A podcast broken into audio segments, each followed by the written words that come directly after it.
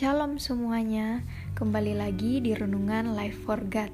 Nah sebelum kita memulai renungan kita hari ini, mari kita satu dalam doa, kita berdoa. Bapa kami yang ada di sorga, Bapa yang hidup di dalam kehidupan kami, kami datang mengucap syukur kepadamu ya Bapa, karena kasih setiamu yang tidak pernah berhenti di dalam kehidupan kami. Kami masih bisa bernafas sampai saat ini, kami ada sampai saat ini semua karena kasih dan kesetiaanmu di dalam kehidupan kami. Bapa, kini kami mau membaca dan merenungkan sebagian dari firman-Mu. Engkau berikan kami hikmat agar kami dapat memahami setiap dari firman yang Engkau berikan kepada kami. Biarlah kami juga mampu untuk melaksanakannya di dalam setiap kehidupan kami. Urapi kami dengan roh kudusmu Bapa, sertai kami selalu di dalam nama Tuhan Yesus kami siap mendengarkan firman Tuhan. Haleluya. Amin. Baik, teman-teman semua. Tema renungan kita hari ini yaitu bahagia di dalam Tuhan. Nah, yang menjadi pembacaan kita kita ambil dari Matius pasal yang kelima ayat yang pertama sampai ayatnya yang ketujuh. Matius pasal yang kelima ayat pertama sampai ayatnya yang ketujuh. Kalau teman-teman sudah buka, mari kita baca bersama-sama. Judulnya yaitu ucapan bahagia. Firman Tuhan, Ketika Yesus melihat orang banyak itu, naiklah ia ke atas bukit, dan setelah ia duduk, datanglah murid-muridnya kepadanya. Maka Yesus pun mulai berbicara dan mengajar mereka. Katanya, "Berbahagialah orang yang miskin di hadapan Allah, karena merekalah yang mempunyai kerajaan sorga. Berbahagialah orang yang berduka cita, karena mereka akan dihibur." Berbahagialah orang yang lemah lembut, karena mereka akan memiliki bumi. Berbahagialah orang yang lapar dan haus akan kebenaran, karena mereka akan dipuaskan. Berbahagialah orang yang murah hatinya, karena mereka akan beroleh kemurahan. Baik, demikian firman Tuhan. Jadi, kita akan berbicara tentang bahagia di dalam Tuhan pasti kita kalau kita membahas tentang itu kita pasti bertanya bagaimana sih itu bahagia di dalam Tuhan dan atau apa apa-apa saja yang harus saya lakukan supaya saya bisa bahagia di dalam Tuhan. Nah, dari firman Tuhan yang barusan kita baca ada beberapa yang Tuhan Yesus sendiri katakan kepada kepada murid-muridnya dan juga kepada kita. Yang pertama dari ayat yang ketiga, di mana Tuhan Yesus berkata, "Berbahagialah orang yang miskin di hadapan Allah, karena merekalah yang mempunyai kerajaan sorga." Nah, miskin di sini bukan berarti kita kekurang serba tidak memiliki apa-apa sehingga sebagai anak-anak Tuhan kita menjadi orang yang selalu meminta-minta dari firman Tuhan ini miskin yang dimaksud bukan seperti itu, teman-teman. Jadi, ada beberapa hal yang dapat kita pelajari tentang bagaimana sih itu miskin di hadapan Allah. Yang pertama, kita harus mensyukuri apa pun yang kita miliki, meskipun itu sangat sedikit yang kita lihat. Apa pun itu, kita harus tetap bersyukur. Ketika kita jatuh miskin di hadapan Allah, kita tidak boleh lari daripadanya. Kita tidak boleh lari daripada Tuhan, melainkan kita harus selalu bersyukur akan apa yang Tuhan berikan kepada kita. Nah, yang kedua, kita harus menikmati secara maksimal apa yang Tuhan berikan kepada kita, karena pada dasarnya semua yang kita miliki saat ini itu semua pemberian Tuhan dan kita harus bersuka cita, kita harus menikmati semuanya. Dengan itu kita bisa bergembira, bergembira karena Tuhan.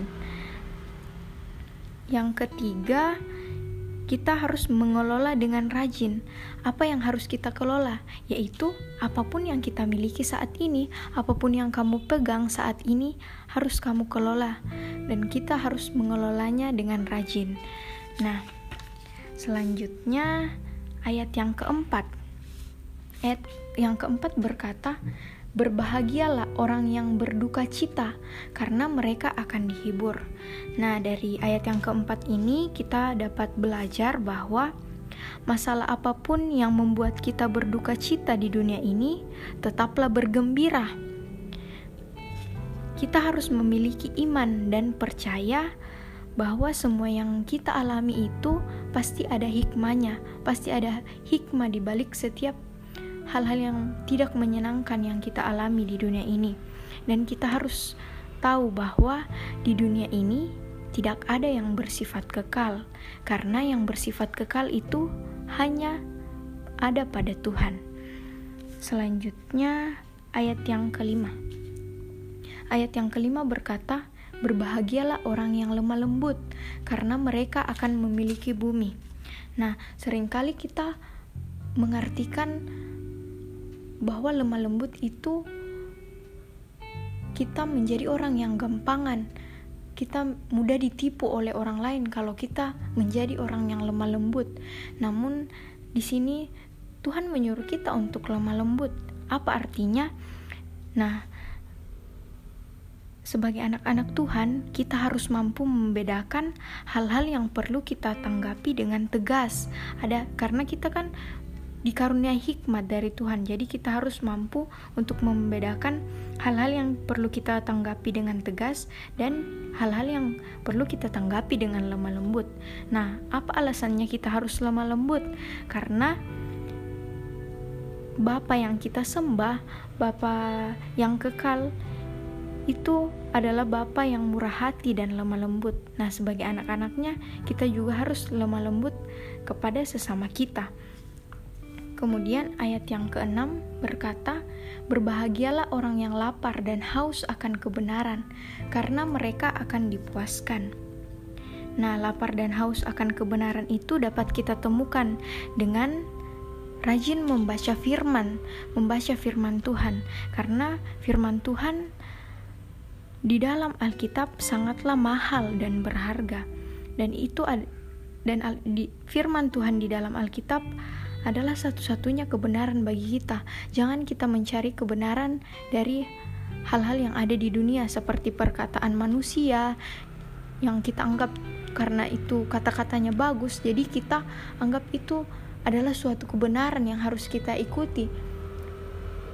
Tapi kenyataannya jangan sampai hal tersebut membuat kita tersesat atau menyesatkan kita atau kita percaya dengan ramalan-ramalan yang ada di sekeliling kita.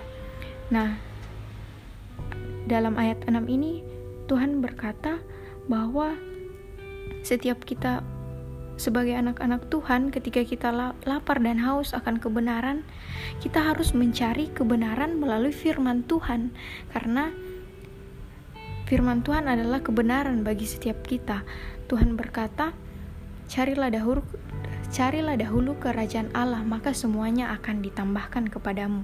Jadi, teman-teman, ketika kita lapar dan haus akan kebenaran, kita harus membaca firman Tuhan, bukan yang lain. Selanjutnya, ayat yang ketujuh.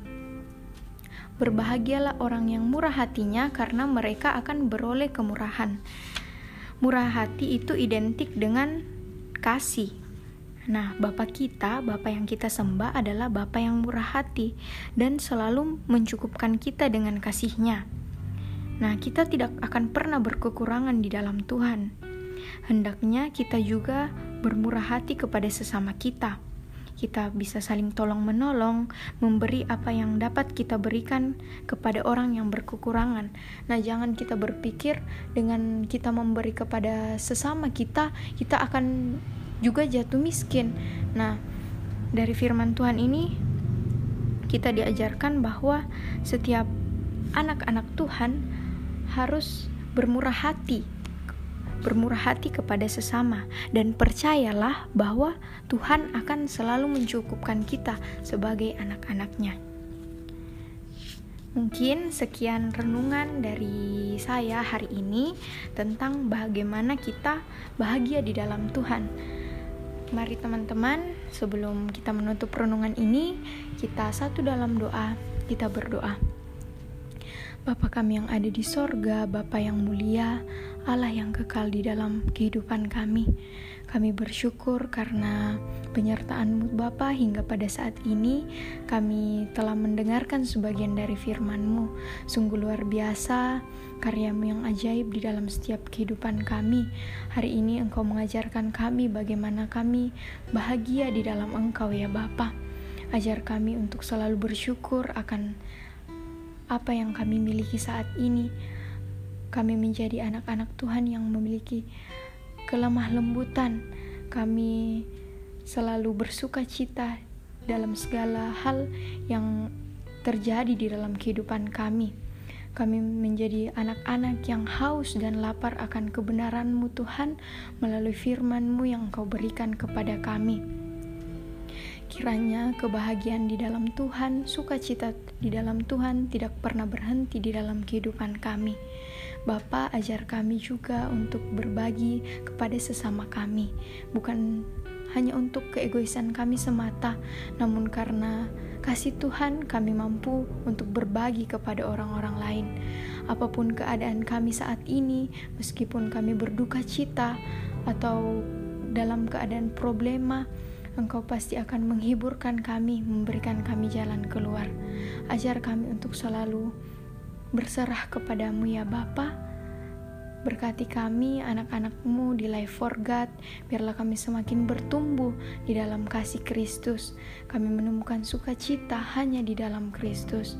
Sertai kami hari ini Tuhan, segala aktivitas kami, kami serahkan semuanya di dalam tanganmu.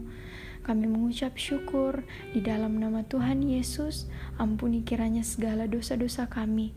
Ini doa kami ya Bapa di dalam nama Tuhan Yesus. Haleluya. Amin. Baik, sekian renungan dari saya. Selamat beraktivitas. Tuhan Yesus memberkati.